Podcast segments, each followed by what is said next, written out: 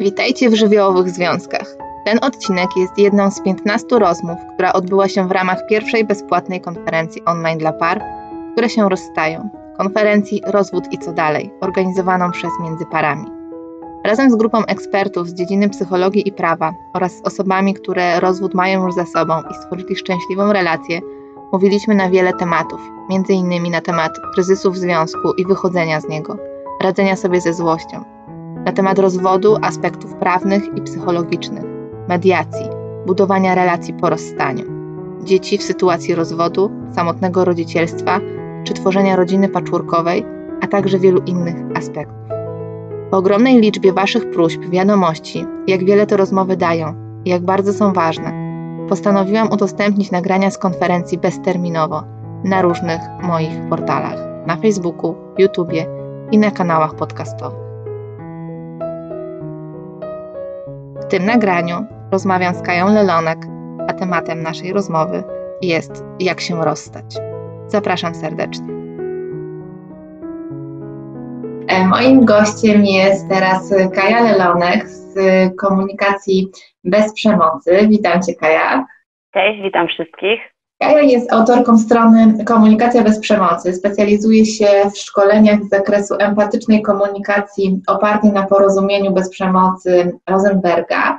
Współpracuje też e, ze stroną Stop Alienacji Rodzicielskiej i pomaga parom, które się rozstają, porozumieć się oraz budować między innymi rodzicielski e, plan wychowawczy, a sama jest, e, jak to powiedziała, jednym z elementów rodziny patchworkowej.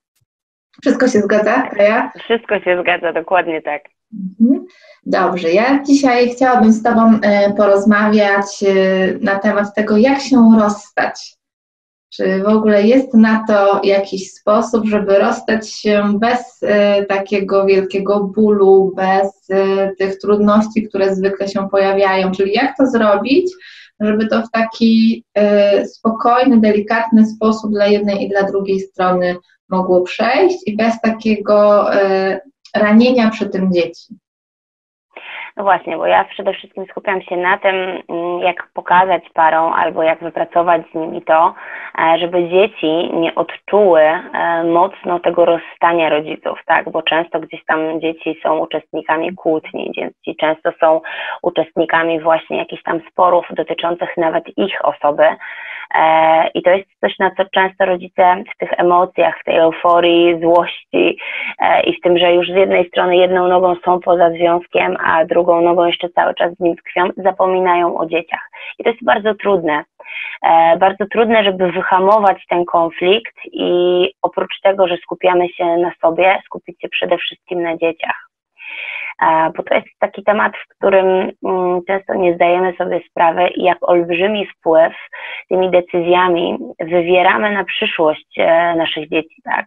Bo to wszystko, w jaki sposób my rozstaniemy się z partnerem, partnerką, e, odbija się na dziecku. I to nie jest też tak, e, żebyście tego nie odebrali w ten sposób, że jakby lepiej zostać w związku, w którym jesteśmy nieszczęśliwi, mm. tylko i wyłącznie dla dobra dziecka. Absolutnie nie.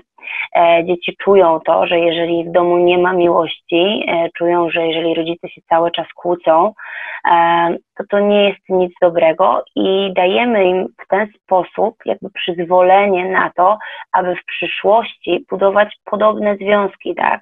Bo dzieci obserwując to, co u nas w domu, wynoszą to w przyszłość, tak? W przyszłości okazać się może, że będą uważały, że to jest norma, że przecież jeżeli u nich w domu tak było, że nie, nie, było, nie było możliwości obserwowania tej miłości, tej czułości, bliskości między rodzicami, to jest okej, okay, tak? I, I potem kształtujemy kolejne pokolenia, które w ten sam sposób e, zaczynają kierować swoim życiem, tak? E, więc ja tutaj, jeżeli mamy sytuację, w której e, jesteśmy nieszczęśliwi w związku, podjęliśmy decyzję o rozstaniu, ta decyzja jest w pełni świadoma, to chciałabym jeszcze zwrócić uwagę na to, żeby mm, świadomość tej decyzji była mocno ugruntowana. To znaczy, żeby nie było takich sytuacji, w których u nas w głowie zapadnie klapka, że się rozstajemy, informujemy o tym dzieci, że się rozstajemy wspólnie i nagle po miesiącu, dwóch czy po trzech znów wracamy do tego partnera, tak? I jakby mm, pewnie też masz okazję pracować z osobami, które mają taki system, w którym wracają do siebie, tak? Że zdarza się tak, że to nie jest decyzja, e, która jest na stałe, tylko decyzja, w której co kilka miesięcy pojawia się kłótnia, pojawia się jakiś problem. Ludzie decydują, że będzie lepiej, kiedy będą osobno, e, i na przykład się wyprowadzają od siebie, tak? Bądź są e, przez dłuższy czas ciche dni i dopiero wtedy się wyprowadzają po czym mija znowu jakiś tam czas i wracają do siebie, tak? I jakby tu znowu warto spojrzeć na to oczami dziecka, które obserwując to, widzi, że tego typu zachowania są ok. Tak, czyli że to, że rodzice się kłócą, to, że się rozstają i wracają do siebie, to przecież jest normalne. I znowu trochę budujemy w głowie tego naszego dziecka taki mętlik, tak, taki kocioł. Nie bardzo dziecko wie, z której strony i za którą stroną się opowiadać. Nie bardzo wie, co zrobić. E, przede wszystkim to, co robimy w ten sposób, to zaburzamy poczucie bezpieczeństwa dziecka. Bo dziecko nie wie, czy w tym następnym dniu ten rodzic drugi będzie w tym domu, czego nie będzie, tak? Czy jeżeli on wróci ze szkoły, przedszkola, czy, czy skąd inąd, e, to czy będzie możliwość, żeby być blisko obojga rodziców?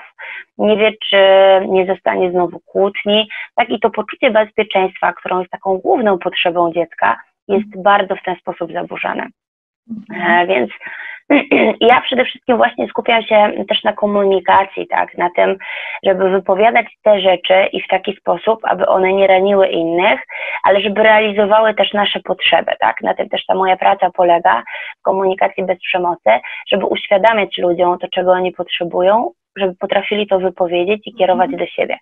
Bo często te problemy, które pojawiają się w związkach, e, wiążą się właśnie z tym, że w nas narasta taka fala agresji, takiej złości, e, narasta w nas taka fala, w której my już nie potrafimy sobie racjonalnie powiedzieć, wytłumaczyć, o co nam chodzi, tylko po prostu no, obrzucamy się e, tym wszystkim, co nam się zebrało, tak? Tym, że w zlewie były niepozmywane naczynia, tym, że gdzieś tam e, ktoś nie posprzątał, nie pozbierał prania, że ciągle kogoś nie ma, tak?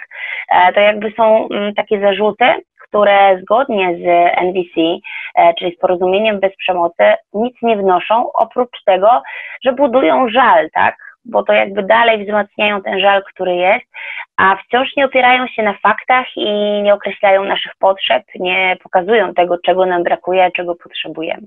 Mhm. A więc pytanie, które mi zadałaś, czy odnośnie tego rozstania, mhm. Czy to jest takie, czy to jest możliwe, żeby rozstać się, wiesz, bo samo rozstanie jest bardzo trudnym obszarem i każdy z nas będzie robił to inaczej.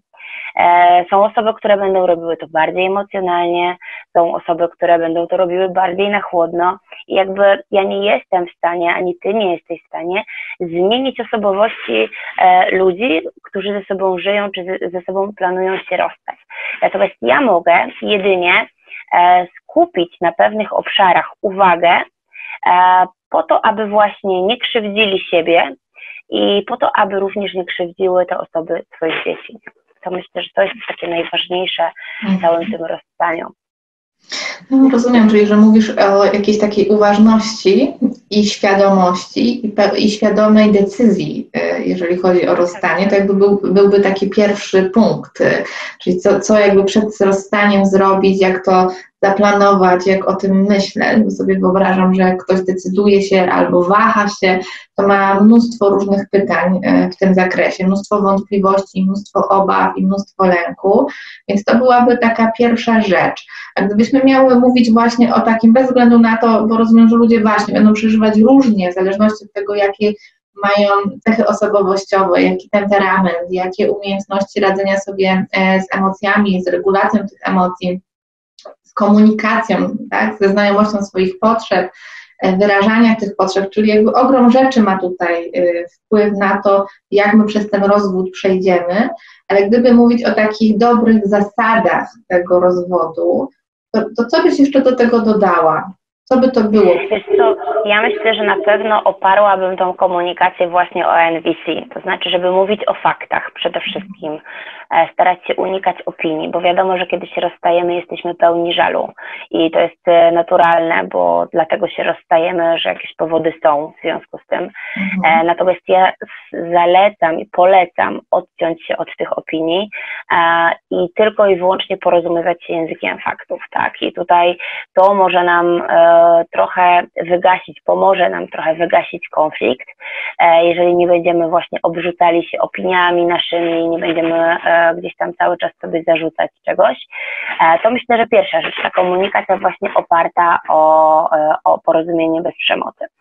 Druga rzecz, która mm, myślę, że miałaby duże znaczenie, ma duże znaczenie, to to, żebyśmy mm, byli uważni na dzieci.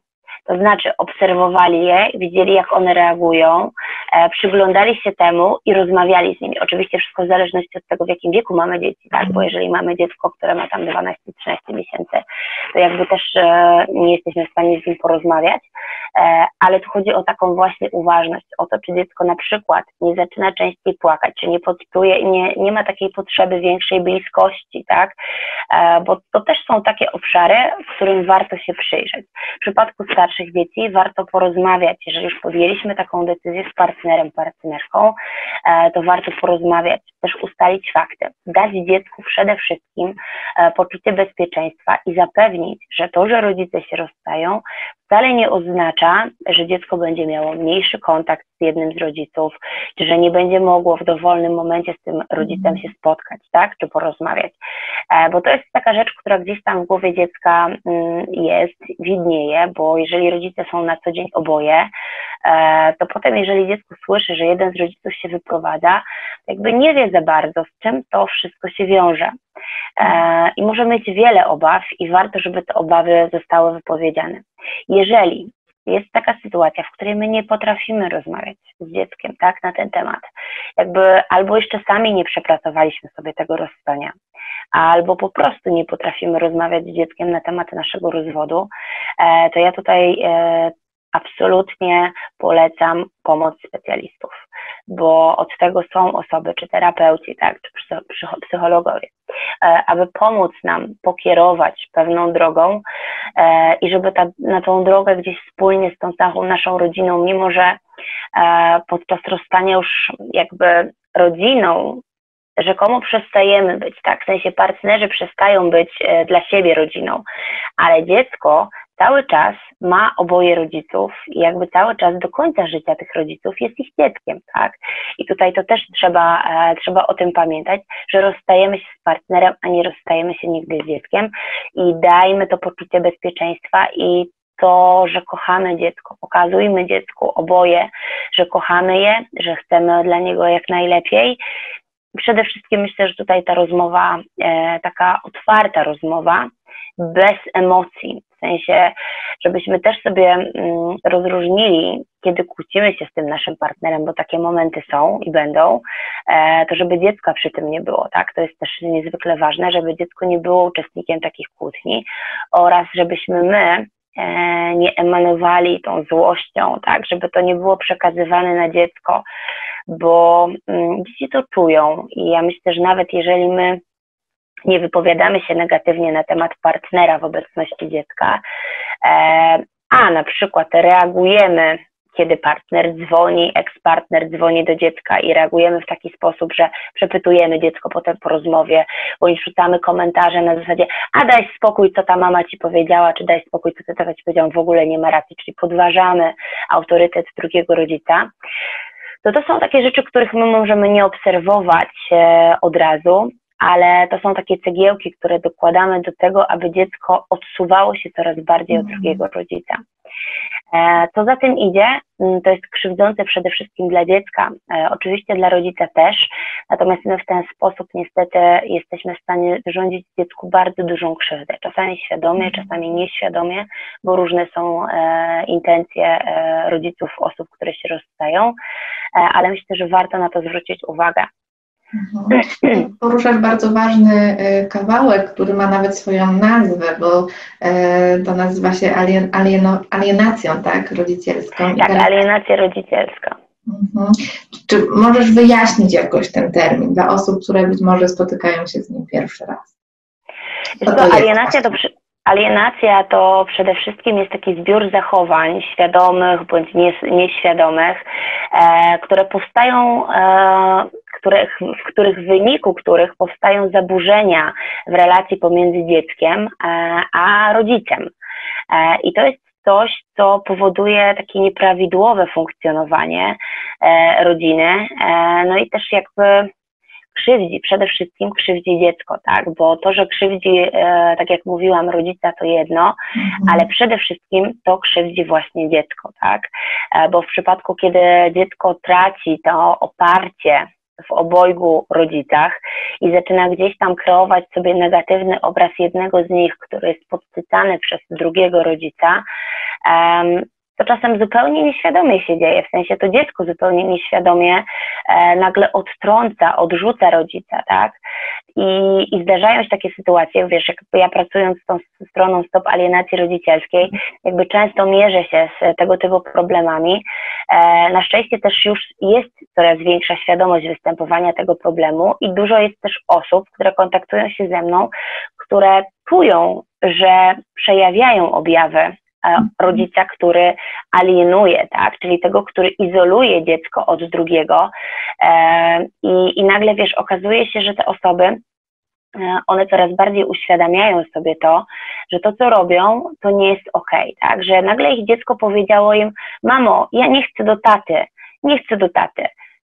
I ten rodzic, wiesz, w pierwszym kontakcie może powiedzieć, aha, dobra, no nie chcesz do tego taty, to spoko, to najwyżej innym razem się wybierzesz, tak? Mhm. Ale z drugiej strony to jest już sygnał dla tego rodzica, mhm. e, żeby zastanowić się nad tym, co jest powodem tego, że dziecko nie chce iść do taty, tak? Mhm. Oczywiście powody mogą być takie jak na przykład umówiło się dziecko z koleżanką u mamy, załóżmy, tak? Jest jakaś potrzeba, która powinna być spełniona, czy chce być dziecko, żeby ona była spełniona i wcale nie musi to być e, alienacji rodzicielskiej. Ale często niestety zdarza się tak, że to właśnie są pierwsze sygnały, w których dziecko zaczyna już przejawiać to, co gdzieś tam się w nim zbierało, tak?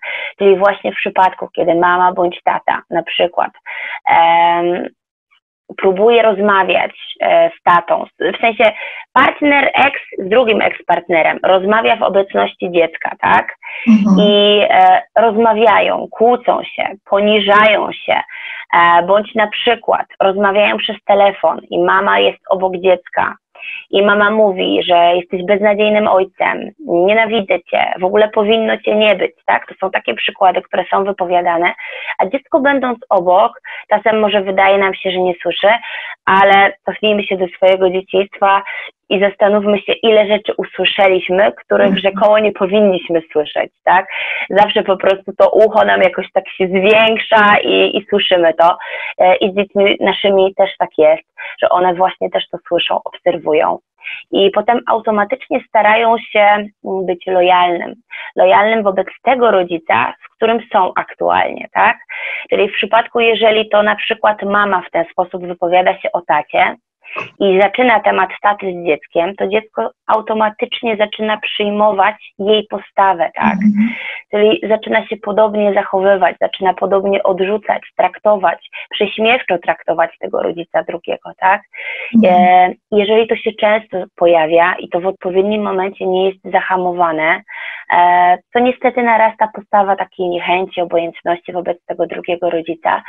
E, I tutaj bardzo ważną rolę odgrywa właśnie ta uważność, tak, żeby dziecko mhm. miało prawo do kontaktu z obojgiem rodziców i aby nie wypowiadać się krzywdząco e, na temat właśnie tych swoich ekspartnerów w obecności e, dziecka, bo w ten sposób budujemy wizerunek po prostu tego mhm. rodzica.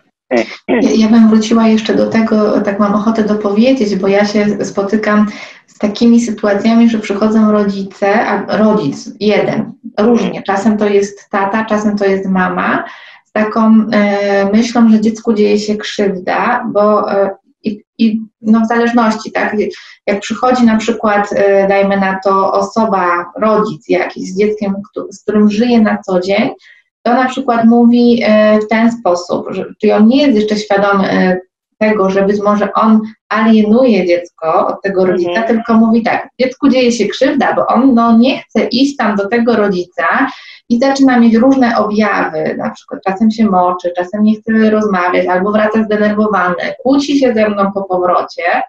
E, i Pierwsza myśl jest taka, co myślę sobie jako rodzic, że całkowicie naturalna, że my to dziecko chcemy też ochronić i zapala taka lampka, że teraz wszystko musimy zrobić, bo jak nie mamy tego pod kontrolą, no to prawdopodobnie jeśli dzieje się krzywda, to ja muszę reagować, więc, więc tak, ale też żeby ta reakcja nie była mm, taka impulsywna, bo to wcale nie musi być objaw tego, że dziecku dzieje się tam krzywda, prawda? Rodzice się doszukują strasznych rzeczy y, w tych zachowaniach i ja nie twierdzę, że nie, bo to jest strasznie trudne do mm, rozgraniczenia, bo ta, ta sama reakcja dziecka może świadczyć o tym, że rzeczywiście coś się dzieje i świadczyć o tym, że nic się nie dzieje tak naprawdę. Znaczy nic w takim sensie zagrożenia zdrowia czy życia, mhm. tylko wewnątrz dziecka jest dużo emocji, które przeżywa, a które nie są ujawnione i trzeba mu pomóc to porozeznawać a jeszcze krzywdzące bardziej się wtedy staje, kiedy chcemy, kiedy zaczynamy oczerniać tego rodzica, oskarżać go o różne rzeczy i te oskarżenia przybierają naprawdę dramatyczną formę, bo ja spotykam się nawet z tym, że, że dochodzi do oskarżeń na przykład o molestowanie, nie?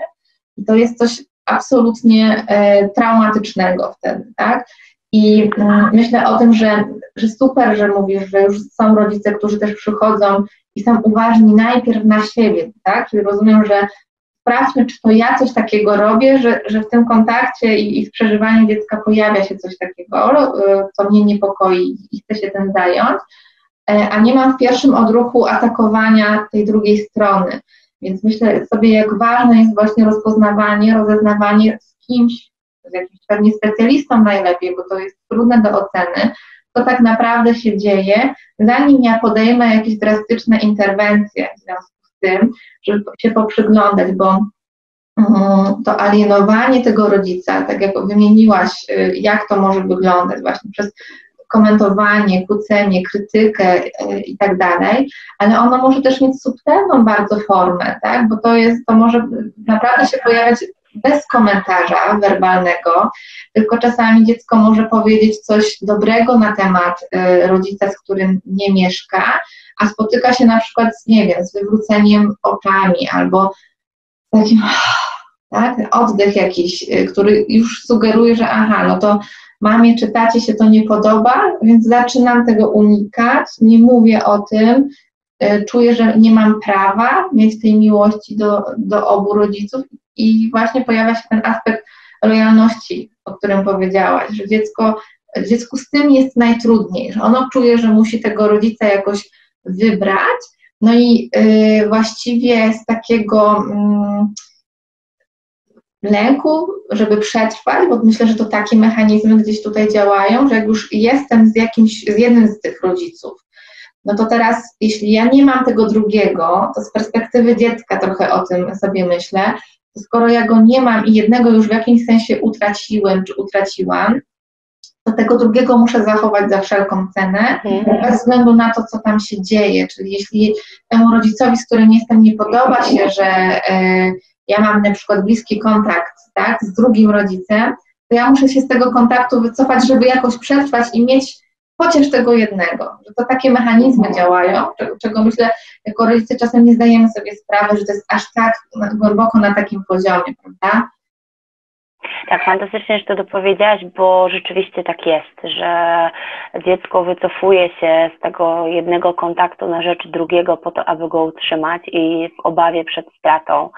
I, i to naprawdę jest ważne. E, ja sobie jeszcze tak teraz pomyślałam, jak e, mówiłaś o tym, e, że bardzo ważne jest też, żeby rozróżnić, bo często osoby, z którymi pracuję, mówią, że słuchaj, przecież ja nie alienuję, tak? Przecież on się widzi z tatą czy z mamą, tak? To nie jest alienacja. I jakby to, o czym my teraz mówimy, E, na tym etapie, w którym właśnie podałaś przykład tego wywracania oczami, e, czy ja mówiłam o tym, że gdzieś tam się e, tą pozycję tego drugiego rodzica umniejsza tej pozycji, tak, czy po prostu nie szanuje się jego decyzji. To to jest coś, co wpływa na izolowanie psychiczne, tak? Czyli to jest to mhm. odcięcie psychiczne od tego drugiego rodzica i to nie jest tak łatwe do zidentyfikowania i to jest najgorsze. Najgorsze dlatego, że to dopiero po latach wychodzi, kiedy mhm. dziecko staje się już dorosłą osobą e, i kiedy zaczyna budować swoje relacje, zaczyna budować swoje związki e, i dopiero nagle wtedy e, pojawia się e, taki sygnał, że coś jest niehalo, tak? Jakby, wiesz, zdajesz sobie też pewnie z tego sprawę, że nasza świadomość, znaczy ty na pewno sobie zdajesz z tego sprawę, natomiast też chciałabym, żebyśmy wszyscy mhm. E, sobie z tego sprawę zdali, e, że nasza świadomość jako dorosłych ludzi często dopiero zaczyna pojawiać się koło tej trzydziestki, tak? E. Bo mm, wcześniej, no wcześniej jest nam trudno pewne rzeczy zrozumieć, mamy dużo innych rzeczy, na których się skupiamy i dopiero potem przekraczając tą trzydziestkę, to dopiero potem nagle zaczynamy się zastanawiać, E, też nie wszyscy oczywiście, ale zaczynamy się zastanawiać w większości nad tym, z czego to może wynikać. Ja teraz też obserwuję coraz większą świadomość rodziców i uważność rodziców na to, co robią, mhm. e, bo nie chcą krzywdzić swoich dzieci, ale niestety są też takie osoby, które tą intencję nie mają wcale tak dobrą e, i, i świadomie działają świadomie izolują dziecko i świadomie alienują e, dziecko, e, więc to, to, jest obszar, który wymaga mocnej pracy. E, natomiast myślę, że to, na co my teraz mamy wpływ, to o czym jest konferencja, to rzeczywiście ten temat komunikacji mm, podczas rozwodu, tak, na temat uważności podczas rozwodu i jakby uświadomienia jaki wpływ ten nasz rozwód ma właśnie na dzieci i jaki wpływ mają nasze zachowania, które nam towarzyszą, tak? Mhm. Bo, bo myślę, że to jest e, niezwykle ważne. E, tak sobie jeszcze myślę o tej alienacji rodzicielskiej, E, pod kątem tej izolacji psychicznej, e, żeby podać kilka przykładów, które mogą okazać się, wiesz, po prostu czymś, co na mhm. co dzień e, się pojawia w komunikacji i żeby je wyeliminować, tak? I myślę, że takim przykładem może być chociażby to, że jeżeli jeden z rodziców e, ma jakiś pomysł, na przykład na weekend, na spędzenie w ten sposób weekendu, czyli załóżmy, że to będzie aktywny sposób na mhm. spędzenie weekendu i dziecko potem wraca do, do drugiego rodzica, załóżmy tam w niedzielę e, i chce opowiedzieć, chce opowiedzieć o tym, co robiło, e, bo to jest dziecko, tak? Dziecko się cieszy mhm. e, i ważne jest, żebyśmy po pierwsze nie gasili tego entuzjazmu dziecka, żebyśmy uważnie słuchali, co dziecko chce nam powiedzieć, e, bo właśnie na tych etapach, nawet jeżeli występuje jakieś zagrożenie, to słuchając i swoją uważnością i bliskością mhm. jesteśmy w stanie to wyłapać, tak? E, żebyśmy się nie zamykali, mimo że to jest nasz ekspartner, to żebyśmy nie zamykali się na to, co robi, w jaki sposób spędza ten czas z dzieckiem, jak dziecko się bawi, co dziecko lubi z nim robić, a czego nie. Bo jeżeli upłynie od rozstania jakiś czas i okaże się, że nasze dziecko nie opowiada nam, e, co robiło, to ja myślę, że warto zastanowić się, na którym etapie mm, popełniliśmy błąd. I to jest niestety ja wiem, że to brzmi okrutnie, ale tak jest. Bo mhm. jeżeli to dziecko się zamknęło i nie opowiada nam, to albo właśnie reagowaliśmy swoim zachowaniem, wpłynęliśmy na to, że dziecko boi się, nie chce, e, traci tą pewność siebie, tak? Czy właśnie nie czuje się lojalne wobec nas. E, mhm. I to może być tak, jak powiedziałaś, werbalne, niewerbalne, tak?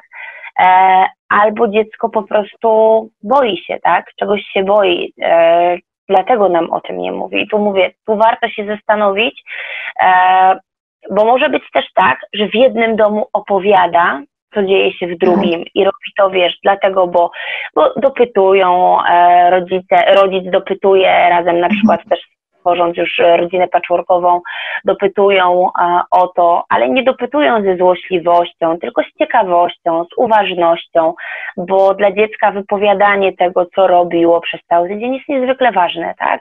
I to też buduje relacje. E, natomiast może być tak, że w drugim domu wraca po weekendzie, załóżmy, tak, od taty, mhm. czy po jakimś tam czasie od mamy i nie mówi się na ten temat, co się tam robiło, bądź mówi się prześmiewczo, tak? tak. E, bo takie sytuacje niestety też się zdarzają. Mhm. I to trzeba powiedzieć, że to nie jest ok i to tak. niestety zaburza, zaburza e, rozwój dziecka. Mhm. I tak do, do, tego, co mówisz, to ja też mogę inny przykład podać, który czasem słyszę właśnie w gabinecie. I, i trochę nadać trochę kontekst tego, czemu tak się dzieje, że myślę, że ten rodzic, który sobie lepiej radzi z tym, że jest to rozstanie, układa sobie jakoś to życie, to łatwiej jest mu słuchać o tym, co się dzieje u byłego partnera czy partnerki, a ten, który jakoś nie do końca sobie radzi z tym rozstaniem i jeszcze ma mnóstwo uczuć z tym związanych, mhm. jakiejś złości, to absolutnie jakby nie, mm, no nie jest w stanie słuchać na temat tego, że komuś tam się, nie wiem, układa, że jest dobrze. Trochę y, kobiety czasami czują się zagrożone, że skoro pojawia się tam jakaś nowa partnerka, to że ona jakoś może zabrać te dzieci, nie? Jakby nie doceniając, zabrać w takim sensie emocjonalnym, że one tam bardziej będą przywiązane, jakby nie doceniając y, tej, tej roli czy ważności więzi, która się tworzy pomiędzy dzieckiem, a mamą. I że e, czasem wpadają na takie pomysły, żeby, nie wiem, kupować prezenty tym dzieciom po powrocie. Nie? Czyli trochę jakby materialne rzeczy miały tutaj zastępować to. I to, po czym widać, jak dziecko reaguje, e, że właśnie coś takiego się niepokojącego dzieje, to że e, na przykład bez tego jednego rodzica, przy którym czuje, że nie może okazywać dobrych uczuć względem drugiego, nie pozwala sobie, nie wiem, na czułe jakieś y, gesty, przytulanie, mówienie y, czegoś miłego i tak dalej. Taką spontaniczność swoją dziecięcą mam wrażenie, bo kiedy pojawia się ten rodzic na horyzoncie, to na przykład pada taki komentarz, y, że mm, no, mama, nie wiem, czy tata, mama byłaby zła, albo tacie by się to nie podobało, tak? Nie chcę, nie chcę żeby ona była smutna. I czyli wchodzą w taką rolę trochę ochronną i jak trudno jest teraz tak sobie wyobrażam, jak pomiędzy parą nie ma komunikacji w takiej sytuacji, oni się nie dzielą tym i nie ma jakby przestrzeni na to, żeby móc sobie mówić o tym, co ja usłyszałam od dziecka, wiesz, niepokoi mnie to, to i to. Może się jakoś tym zajmijmy, poprzyglądajmy się. Dobra, nie żyjemy ze sobą razem, ale to do końca życia będą nasze dzieci i naszym obowiązkiem jest jakoś to ogarnąć teraz, tak? Dać im jak najwięcej wsparcia. Więc jak nie ma rozmowy, no to trudno y, jest wnosić takie kawałki, nie? I tak sobie wyobrażam, co w takiej sytuacji, no bo jeżeli y, ktoś nie jest świadomy tego, że jest takim rodzicem, który alienuje to dziecko od drugiego rodzica, to jak może sobie radzić ten rodzic, który jest alienowany i widzi takie mhm. Mm, no, elementy, nie? Burzące trochę relacje. To znaczy to rzeczywiście, kiedy rozstajemy się z partnerem, to oprócz tej uważności na dziecko powinniśmy mieć też uważność na siebie, tak? Bo mm, to, w jaki sposób rozstaniemy się i jak reagujemy, powinno mhm. być przepracowane, tak? Bo tak jak mówisz, jeżeli okazuje się, że jest nas tyle emocji, z którymi my sobie nie radzimy i czujemy to, tak? Organizm daje nam sygnały, że sobie nie radzimy, pojawiają się bóle, tak? Bo to też mhm. mamy jakieś sygnały, tak. które są też sygnałami z zewnątrz. E, ten stres nam daje o sobie znać e, i, i te emocje, które gdzieś tam się w nas zbierają, również się gdzieś próbują wydostać. E, to ja naprawdę polecam też kontakt z osobami. Jeżeli mamy bliskie osoby, które służą nam wsparciem, które są empatyczne wobec nas, to znaczy, to znaczy słuchają nas, są blisko, wspierają nas. E, to jest niezwykle ważne. Natomiast czasami mm, my nie zdajemy sobie sprawy z roli tych osób obok nas i czasem te osoby są tak silnie z nami związane, że nie potrafią wyhamować tej złości naszej, nie potrafią pokazać nam, słuchaj, czekaj, mhm. zatrzymaj się, to co robisz wcale nie jest okej, okay, tak, krzywdzisz przy tym kogoś. Po pierwsze to może wynikać z tego, że wiesz, że ci nasi bliscy wcale nie są świadomi tego, bo oni tak bardzo nas kochają, tak bardzo im zależy na nas, że oni po prostu czują, że oni w ten sposób nas wspierają. Mhm. E, i, i skupiają się na nas, a nie skupiają się na właśnie dziecku, nie skupiają się na tym, jakie to może nieść za sobą konsekwencje, a po drugie mogą też tego nie być świadomi po prostu, tak, bo, mhm. bo, bo tak, tak też po prostu może być. E, więc ja dlatego mówię o tym, że warto skontaktować się z kimś, kto pomoże nam to przepracować, e, żeby potem móc budować tą właściwą komunikację z partnerem czy partnerką, bo bez tego mm, bez tego nie będziemy w stanie dobrze wychować e, naszych dzieci, tak? Bo tak jak powiedziałaś, są obszary, w których ta komunikacja jest niezbędna. E, są ustalenia e, pewne, które wpływają na przyszłe życie naszego dziecka. Że jeżeli my nie znajdziemy nici porozumienia i będziemy się tylko szarpać między sobą, e, dziecko będzie to obserwować i, i nic dobrego z tego nie wyjdzie. Więc dość po rozstaniu do takiego momentu, w którym my jesteśmy dużo bardziej na chłodno w stanie rozmawiać z tym partnerem, to jest właśnie ta pierwsza myśl, pierwszy taki krok do tego, żeby wychować szczęśliwe dziecko. Mimo, że się rozstaliśmy, mimo, że nie tworzymy już jednej rodziny, to wcale nie wyklucza tego, że my zbudujemy swoją szczęśliwą rodzinę, czy nasz partner zbuduje szczęśliwą rodzinę i nasze dziecko będzie w tym szczęśliwe, tak? E, więc to jest nasza rola. Natomiast jeszcze chciałabym się odnieść do jednej rzeczy, bo też w trakcie e, tego, jak mówiłaś, to sobie e, przypomniałam, e, na co jeszcze warto zwrócić uwagę, bo często, kiedy ludzie się rozstają mm, i właśnie dziecko przebywa u jednego z rodziców, to ten drugi rodzic ma takie poczucie straty, ma takie poczucie, że siedzi sam w domu, że tego mm. dziecko nie ma. I to jest najczęściej dotyczy to kobiet, ze względu na to, że my jesteśmy tak silnie związane z tymi naszymi dziećmi. I to jest okej, okay, to, to nie jest tak, że to jest coś złego. Nosimy te dzieci przez 9 miesięcy, potem jesteśmy bardzo blisko e, i, i to jest naturalne. E, natomiast to też warto sobie potem przepracować i poukładać w głowie, żebyśmy nie nakładali takiego klosza kontroli na te nasze dzieci. Żeby nie było tak, że my, kiedy dziecko jest u mamy, u której przebywa, czy u taty, tak, bo to są różne mhm. modele, to tutaj nie, nie ma zasady, żebyśmy nie wydzwaniali co chwilę, nie próbowali cały czas e, kontrolować sytuacji, żebyśmy nie odbierali możliwości budowania więzi dziecka z tym drugim rodzicem, bo to też jest nieuświadomione. Nam się wydaje, że my dbamy o to dziecko, że chcemy być mhm. blisko. Nam się wydaje, że to jest przecież okej, okay, że nic złego nie robimy.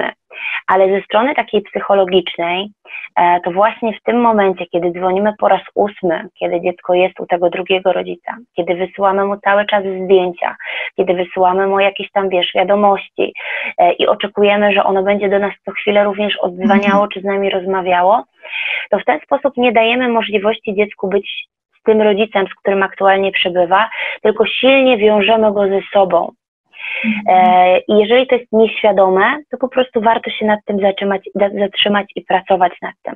Ale jeżeli jest to świadome, to jest to szkodliwe dla dziecka, tak? Mhm. I, I to też trzeba zmienić. Natomiast no, jeżeli to jest świadome i to wiesz, jest intencja, w której e, celem jest e, zbudowanie tak silnej więzi ze mną, załóżmy, tak, a nie z tatą, e, to jest krzywdzące i to znowu mm. muszę powiedzieć, że to jest krzywdzące po prostu tak. dla dziecka. To też może działać, wiesz, w drugą stronę, bo ja sobie wyobrażam i, i znam takie sytuacje, że kiedy to ten rodzic jest z dzieckiem, a dziecko zaczyna mówić e, na przykład tęsknię za tatą, tak? I ja chcę do niego zadzwonić. Teraz jak ja dam taki komunikat, nie, teraz jesteś ze mną i ten czas masz dla taty wtedy i wtedy, no to no dziecko znowu czuje się odrzucone, prawda? I teraz e, rozmawianie o tym tacie, i to chcę zaznaczyć, jak ważne jest, żebym tak, najpierw ja zadbała o swoją złość, o to, co się ze mną dzieje, że jak ja słyszę to słowo tata, że mi się tam nie gotuje w środku, ile to on mi, nie wiem, krzywdy zrobił i tak dalej, tylko ja mam spokój w sobie, ja mogę mieć żal, ja mogę mieć zranienie, może mi być trudno wybaczyć i w ogóle mogę mieć trudny kontakt z tym człowiekiem, ale e, jestem nastawiona na to, że dla tego dziecka to opiekuję się aktualnie nim, tak? Czyli mogę zapytać o tą tęsknotę, pogadać z nim e, o tym, nie? Niekoniecznie muszę zastępować, to wiesz, ja jestem, ja cię przytulę, tylko możemy rozmawiać o tej tęsknocie, ale żeby o tym rozmawiać, to musimy mieć kontakt tak, ze sobą, z emocjami, tym, żeby umieć dziecku to e, nazywać i dawać przestrzeń. Przecież można zrobić wspólną pracę, którą potem może temu tacie na przykład dać. Tylko e, jak e, o tym sobie myślę, to znowu to są takie momenty, jak ja pracuję już z osobami, które na przykład są w trakcie rozwodu, indywidualnie, to takim problemem, jak już uda się to, jak już ktoś jest świadomy swoich emocji, potrzeb, uda się tak przejść przez to rozstanie, żeby ono nie budowało dodatkowego napięcia, to pojawia się jeszcze jedna ważna rzecz, że w naszej perspektywie wtedy osoby rozstającej się buduje się takie przekonanie też nieświadome, że mamy sporo oczekiwań, czyli skoro ja na przykład poszedłem na ugodę albo tutaj zdecydowałam się odpuścić, to sobie wyobrażałem albo wyobrażałam, że będzie jakoś między nami, że ta druga strona taką nie pomyśli, czasem też mi pójdzie na rękę, nie wiem, będzie elastyczna, albo pomyśli, że w tej sytuacji to trzeba było zrobić to czy tamto, więc w ogóle już zostawiam poziom tych oczekiwań, yy, które są nieweryfikowane i jest coś w naszych wyobrażeniach i, i to też jest element do pracy, ale przychodzi takie poczucie, że przecież ja to robię y, dla tej byłej czy byłego, nie? I jak on teraz czegoś nie robi, nie, to tak jak w związku, który nie jest po rozwodzie, dokładnie tak samo, tylko na innych aspektach, tak?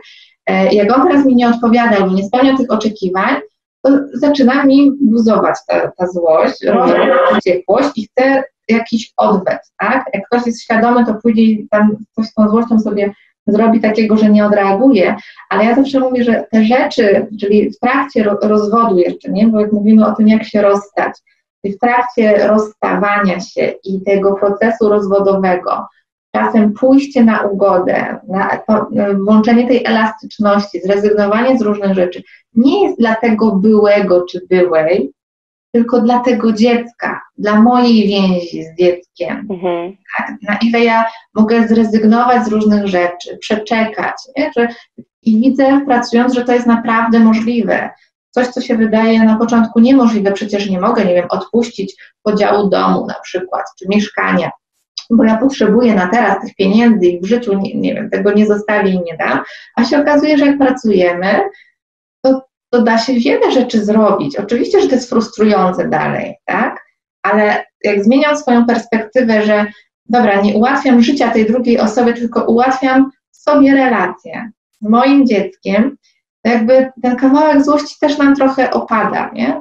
Zmniejsza się. To mi się też, y, te dwie rzeczy jakoś mhm. tak pomyślałam, o, jak, jak mówiłaś o tym właśnie. Tak, to jest, e, to jest ważne i jak prowadzę szkolenia e, z komunikacji, mhm. E, to właśnie jest coś, to, na co bardzo dużo kładę nacisk, czyli znowu odkrywanie tych potrzeb, bo coś, co nie jest moją potrzebą, może być Twoją potrzebą, tak? I odwrotnie, jakieś moje nie może być Twoim tak po prostu.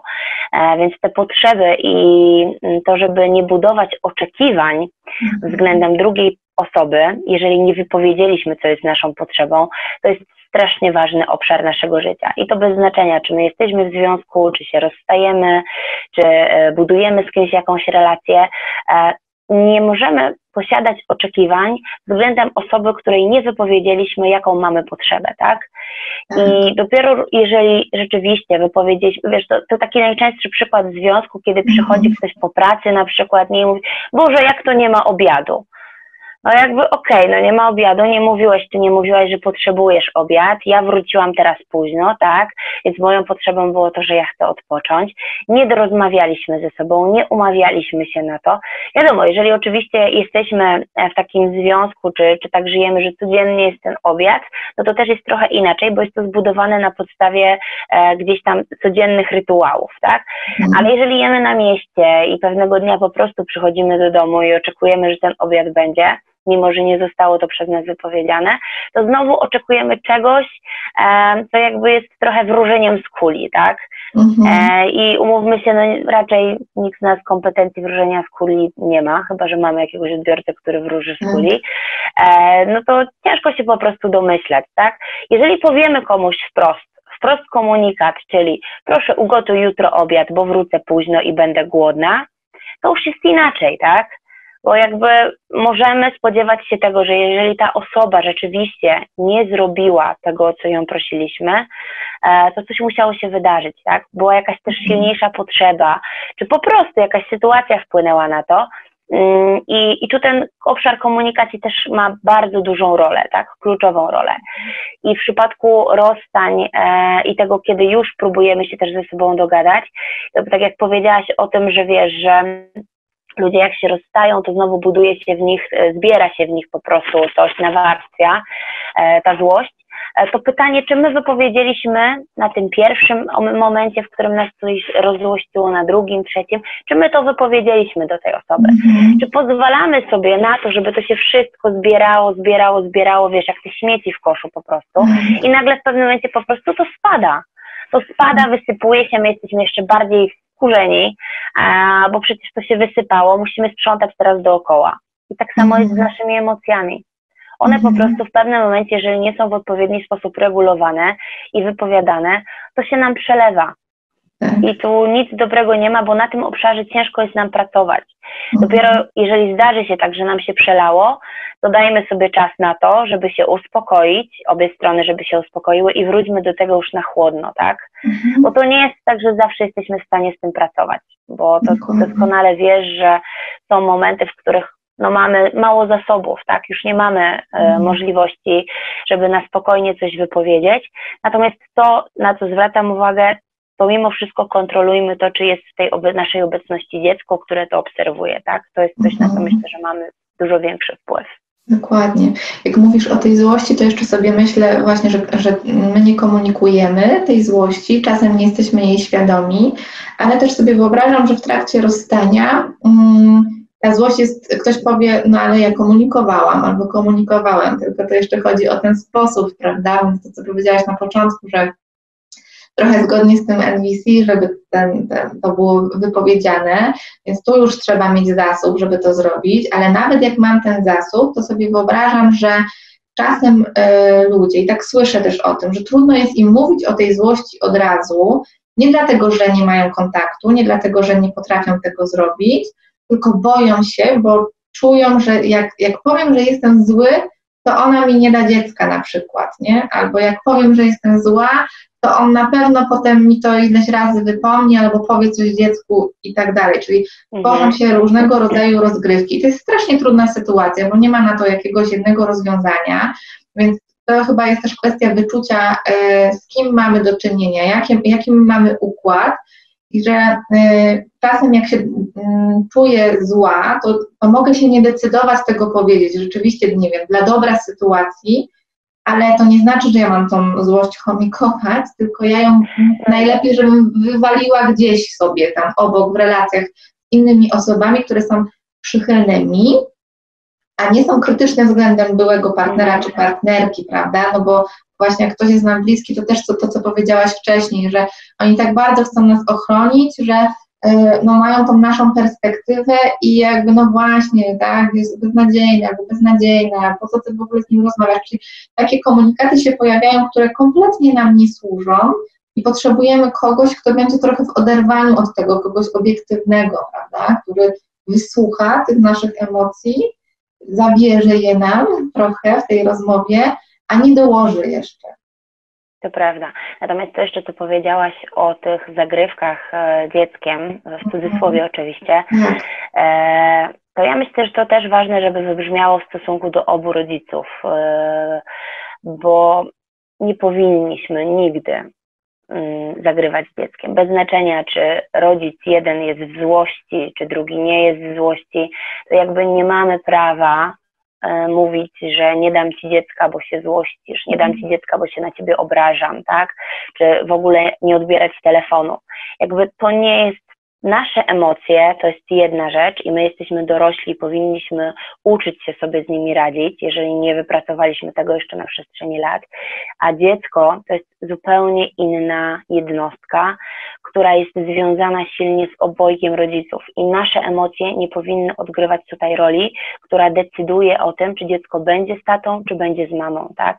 Dziecko ma prawo do kontaktu z obojgiem rodziców i to, o czym też mówiłyśmy, że jeżeli jest u jednego rodzica i mówi, że chciałoby zadzwonić do drugiego, mm, to ja jestem osobą, która mm, stara się pielęgnować to, żeby to dziecko pilnowało też tego kontaktu, tak? I ja też zwracam na to parą uwagę, że jeżeli dziecko chce zadzwonić, ma potrzebę zadzwonienia do mamy czy zadzwonienia do taty w danym mhm. momencie, to nie ograniczajmy mu tego, bo jeżeli chcemy mu dać swobodę kontaktu z jednym i z drugim rodzicem, to niech ono tak się czuje. Bo jeżeli, oczywiście, jeżeli my w tym momencie wsiadamy na kolejkę górską, tak, i czy robimy coś, za co nie bardzo można rozmawiać przez telefon i, i robić zrobić to, to okej, okay, to jest zrozumiałe, wytłumaczmy to dziecku, mm. słuchaj, e, wysiądziemy, czy dojedziemy w to miejsce i spokojnie zadzwonisz sobie do taty bądź mamy, tak? I nie ma z tym problemu. Natomiast jeżeli my będziemy, chociaż to rozwiązanie, o którym ty powiedziałaś, że na przykład narysujmy też laurkę, tak, czy zróbmy coś dla taty, czy dla mamy, też jest ok. Natomiast e, mnie zależy na tym, żeby dziecko miało zbudowaną w sobie, w porastaniu rodziców, taką mm, równowagę między tym, że jeżeli chce się skontaktować z mamą, to może, chce jechać do taty, to może, tak? Jakby dziecko, żeby dziecko samo mogło e, decydować też o tym, żeby to nie było tylko i wyłącznie, wiesz, sądownie określone, że tylko i to, tylko i wyłącznie w tym dniu e, dziecko będzie mogło, e, wiesz, spotkać się z mamą czy z tatą. Bo mm, to mimo wszystko, wiesz, sąd to sąd i sąd oczywiście robi to z dobrą intencją na zasadzie takiej, żeby ten kontakt z jednym rodzicem był, ale to jest papierek. Papierek, na który my jako rodzice e, możemy dać dziecku więcej, tak? E, jeżeli tylko i wyłącznie zależy nam na tym, żeby dziecko dobrze się czuło, żeby dziecko dobrze się rozwijało, żeby miało dobrą relację z obojgiem rodziców, to jeżeli dziecko zakomunikuje nam, że słuchaj, ja chciałabym spotkać się w tym dniu z mamą bądź z tatą, bo jakby wiesz, też są czynniki, które na to wpływają, że jeżeli na przykład już są stworzone dwie patchworkowe rodziny, tak, z tego naszego ex-związku i w którejś z tych rodzin jest na przykład jeszcze dziecko, to też jakby też powinniśmy spojrzeć na to trochę inaczej, że to dziecko nasze wiąże się również emocjonalnie z swoją siostrą czy mhm. bratem, tak? I nie powinniśmy im tego odbierać, bo to jest okej. Okay tak? To jest mhm. miłość, którą dziecko darzy swoje rodzeństwo, to jest miłość, którą darzy e, swoją mamę czy tatę, ale także powinno nam zależeć na tym, co też wcześniej mówiłaś, e, aby mm, było kochane i kochało również tego obecnego partnera czy partnerkę, tak? Natomiast tu na tym etapie warto rozróżnić, e, żeby tata bądź mama byli jedni, tak? Żeby to nie było sytuacji, w której mamy dwóch tatusiów i dwie mamusie, tak? Czy załóżmy dwie mamusie, jednego tatusia, bądź odwrotnie, tak? Tutaj jakby w zależności od konfiguracji, bo tu znowu mieszamy trochę w głowie dziecka. I to też warto, żeby wybrzmiało, że ta relacja jest fajna, ważne, żeby była, ale żeby nie zaburzać tego, że jest jeden tata i jedna mama, tak? I dopóki oni żyją, dopóki oni są, to jakby taka jest ich rola. E, budowanie w głowie dziecka pozycji drugiego taty czy pozycji drugiej mamy to jest coś, co niestety poczucie bezpieczeństwa dziecka zaburzy. E, no i jakby model rodziny też zaburzy, tak? Tutaj jakby, mhm. wiesz, tu i tak mimo, że rodzice się rozstają i tworzą dwa domy, to dajmy im dwa bezpieczne domy, dwa kochające domy. Dajmy to, te dwa miejsca, w których e, dziecko jadąc do jednego domu czy jadąc do drugiego domu będzie czuło się dobrze, będzie czuło się bezpiecznie, będzie czuło się kochane. Natomiast nie, nie powodujmy i nie prowokujmy sytuacji, w których chcemy tego jednego rodzica gdzieś zepchnąć i zrobić nagle mamusię z, wiesz, z naszej, z naszego, z naszej partnerki bądź tatusia z naszego aktualnego partnera, tak? Bo dziecko od urodzenia ma jednego tatę i jedną mamę. I to też myślę, że jest bardzo ważne w przypadku, kiedy już jesteśmy na etapie budowania kolejnych związków. Mhm. Co też myślę, że nie wyklucza budowania bliskiej relacji, na przykład właśnie z, ma z macochą czy z ojczymem, tak, że to jest możliwe, ale właśnie z, ta, z taką perspektywą, że, że ta osoba, która do, dołącza do tego systemu, no, widzi i czuje i mówi, i komunikuje to, że e, jakby nie pomija w tej komunikacji tej mamy, nie? czy, czy taty, tak. że, że to o to chodzi w tym, w tym, co mówisz, prawda?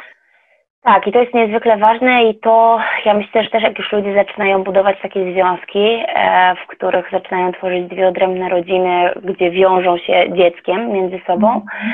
e, w sensie dwie odrębne, które łączy tak. wspólne dziecko z poprzednich tak. związków, tak? E, to myślę, że warto, żeby się spotkać, warto, żeby ze sobą porozmawiać, żeby wypracować ze sobą system komunikacji, żeby wypracować sobie może na nowo model, wiesz, tego planu wychowawczego, tak? Mhm. żeby powiedzieć, jakie my mamy oczekiwania względem tego partnera aktualnego, tak? I jakby wiadomo, że to nie chodzi o to, żeby spełniać swoje oczekiwania, kiedy my, e, kiedy my tworzymy dwie różne rodziny, ale tu chodzi przede wszystkim o dobro dziecka, tak? I na tym mhm. trzeba się skupić, e, bo tu nie chodzi o to, że wiesz, że my sobie nie życzymy, żeby ten, e, ta nowa partnerka e, nie wiem, spędzała 7 godzin z dzieckiem, bo jakby to nie o to chodzi, e, tylko żeby skupić się na tym, co dobre dla dziecka po prostu i żeby ewentualnie wypracować właśnie ten sposób, system komunikacji między sobą. Okej, okay. to, to jeszcze myślę sobie o tym mm, w kontekście tego, jak się rozstać.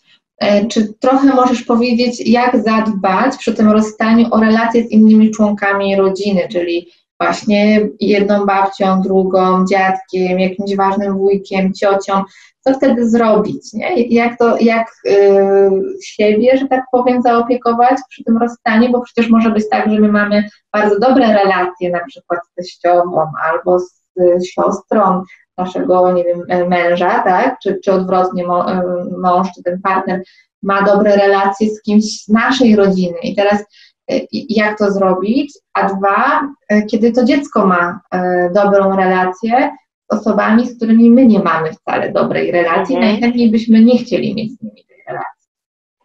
Znaczy Marita, w idealnym świecie byłoby tak, że i my, i dziecko możemy mieć kontakt z tymi osobami, z którymi nam się dobrze żyje, z którymi dobrze nam się rozmawia, które są z nami blisko. E, natomiast nie na wszystko mamy wpływ, bo może być tak, że osoby, z którymi miałyśmy dobrą relację, podczas gdy się rozstaniemy z naszym partnerem, e, tą relację będą już gdzieś tam ochładzać, tak? E, I wynika to może nie, nie ze złośliwości, ze złej intencji, tylko z tego, że ludzie nie potrafią się zachować, nie potrafią się odnieść, nie potrafią, czują taką potrzebę lojalności wobec tej osoby, z którą są związane, czy więzami krwi, tak? Czy gdzieś tam były dłużej, czy znają ją dłużej. I, i wiesz, ja kiedy się rozwodziłam, e, to też mam wielu takich znajomych, z którymi gdzieś ten kontakt się urwał, bo oni byli bliżej mojego byłego męża.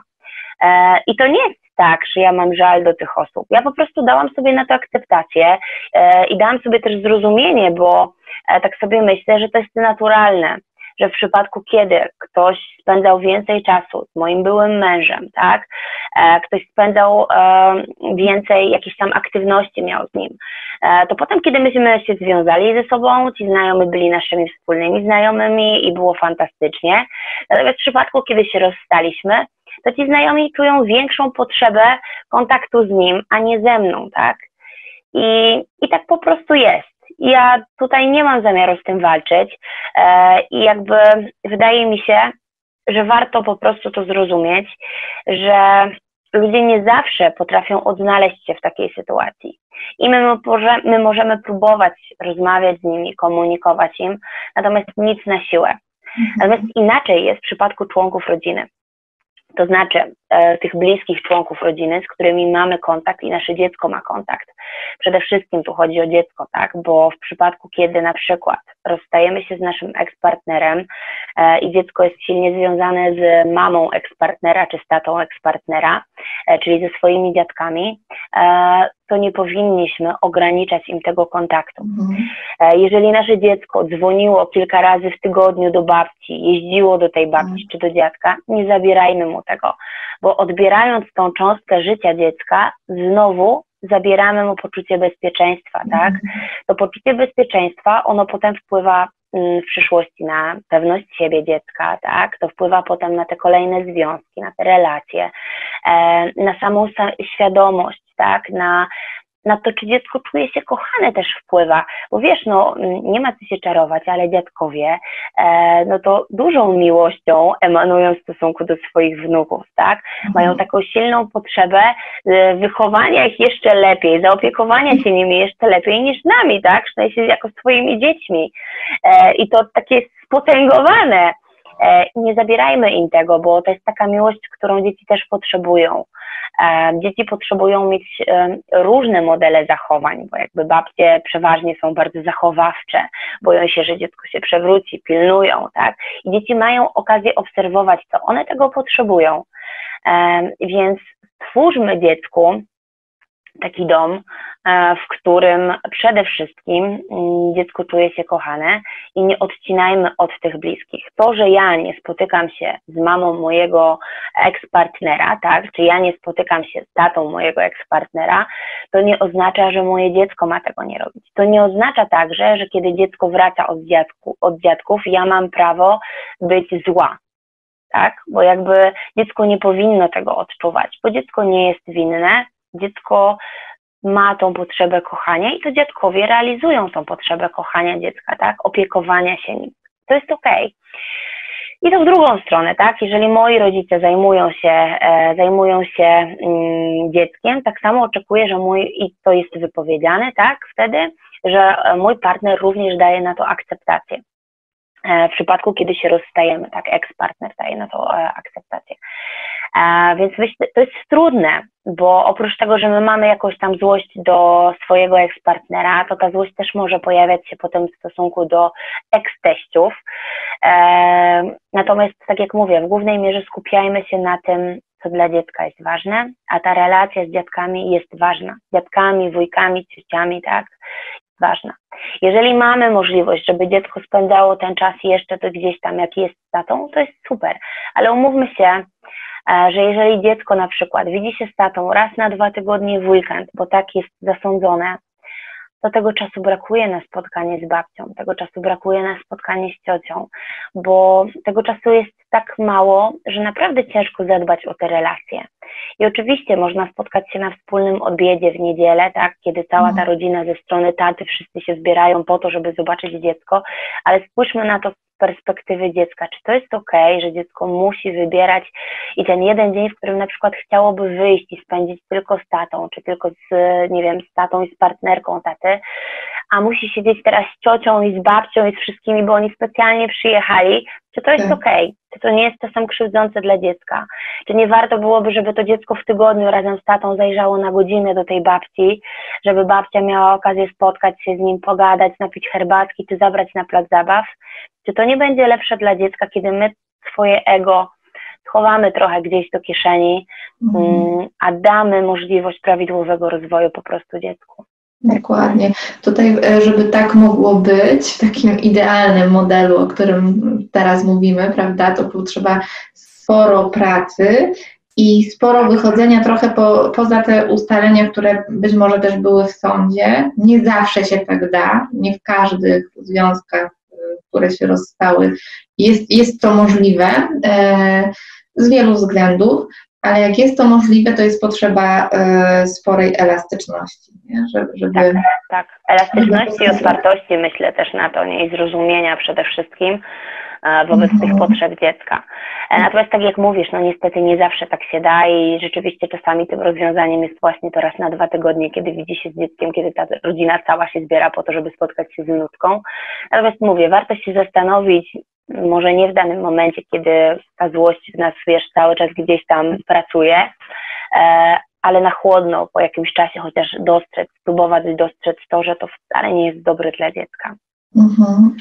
E, okej, okay. myślę sobie e, o tym, że, że, że zbliżając się jakoś do końca, że, że sporo rzeczy jest do zrobienia. Pierwsza taka, która mi się jakoś wyłania na sam początek, jest o złości, że póki ja się sobą nie zajmę, no bo proces rozwodowy jest bardzo trudny, nie tylko złość tam się pojawia, bo to jest i lęk, i bezradność, i cała gama tych różnych uczuć, że to jest taka pierwsza i najważniejsza rzecz na samym początku, żeby móc robić te inne pozostałe rzeczy. To jest fundament i taka baza.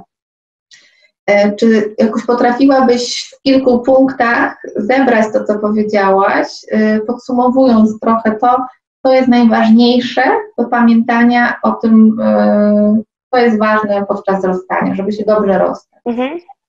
Przede wszystkim to, o czym wielokrotnie mówiłyśmy, czyli komunikacja. Tak? Komunikacja zgodnie z zasadami NVC, czyli bez opinii, bo to jest ważne, bez sądzenia, krytykowania, po prostu oparta na czystych faktach.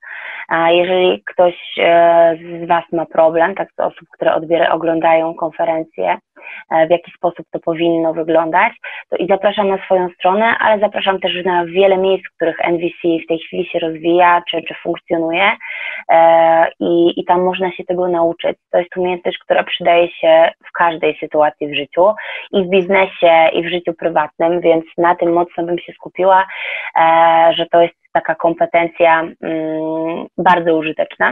Więc komunikacja e, za pomocą faktów, e, uważność na siebie, mm, czyli obserwowanie tego, czego my się boimy e, i próbowanie pracować nad tym. Jeżeli nie potrafimy sami nad tym pracować, to po prostu znajdźmy kogoś, kto nam pomoże. Mhm. Uważność na nasze dziecko, które w tym wszystkim uczestniczy i które jeszcze nie potrafi radzić sobie z mm, emocjami, bo do tego 26 roku życia mózg cały czas jeszcze gdzieś tam pracuje i łączy E, więc dopiero po 26 roku życia tak naprawdę można powiedzieć, że mamy zakończony ten proces rozwoju mózgu mhm. i, i umiejętność radzenia sobie z emocjami tak naprawdę dopiero po tym etapie powinna wystąpić. E, natomiast my uczymy dzieci przede wszystkim przez obserwację, czyli dzieci obserwują to, co my robimy i jak my się zachowujemy, więc warto, żebyśmy się sobie przyglądali, kiedy patrzymy na nasze dziecko i widzimy coś niepokojącego, to spójrzmy najpierw na siebie, e, spójrzmy na to, czy zachowanie dziecka może wynikać z jakichś naszych postępowań, z jakichś naszych zachowań, werbalnych, niewerbalnych, e, jakby tutaj po prostu przyjrzyjmy się sami sobie. E, natomiast to, co jeszcze też jest ważne, to to, żebyśmy przepracowali w sobie tą złość, przepracowali, żebyśmy sobie przepracowali e, to, co w nas jest i te obawy również, bo to też rozwód czy rozstanie wiąże się z tym, że to nasze poczucie bezpieczeństwa, nie tylko dziecka, ale również nasze poczucie bezpieczeństwa jest zaburzone, bo nie wiemy, co dalej, nie wiemy, czy stworzymy kolejny związek, nie wiemy, jak finansowo sobie poradzimy, tak? To są takie obszary, które powodują, że my cały czas czujemy jeszcze niepokój, więc warto sobie pewne rzeczy poukładać. E, kolejną rzeczą jest to, że kiedy już e, tworzyć będziemy kolejny związek, to żeby również uważnie obserwować to, w jaki sposób dziecko reaguje na naszego partnera, ale przede wszystkim, żeby mieć świadomość, że ten związek będzie trwały. Oczywiście my nie mamy stuprocentownej pewności, ale mm, chodzi mi o to, żeby w jakieś przelotne romanse nie angażować dziecka, żebyśmy też byli uważni na tą naszą relację. Bo jeżeli dziecko będzie doświadczało mm, takich przelotnych naszych znajomości, do których w jakiś sposób będzie się przywiązywało, jak to dziecko, tak, to znów poczucie bezpieczeństwa może zostać zaburzone.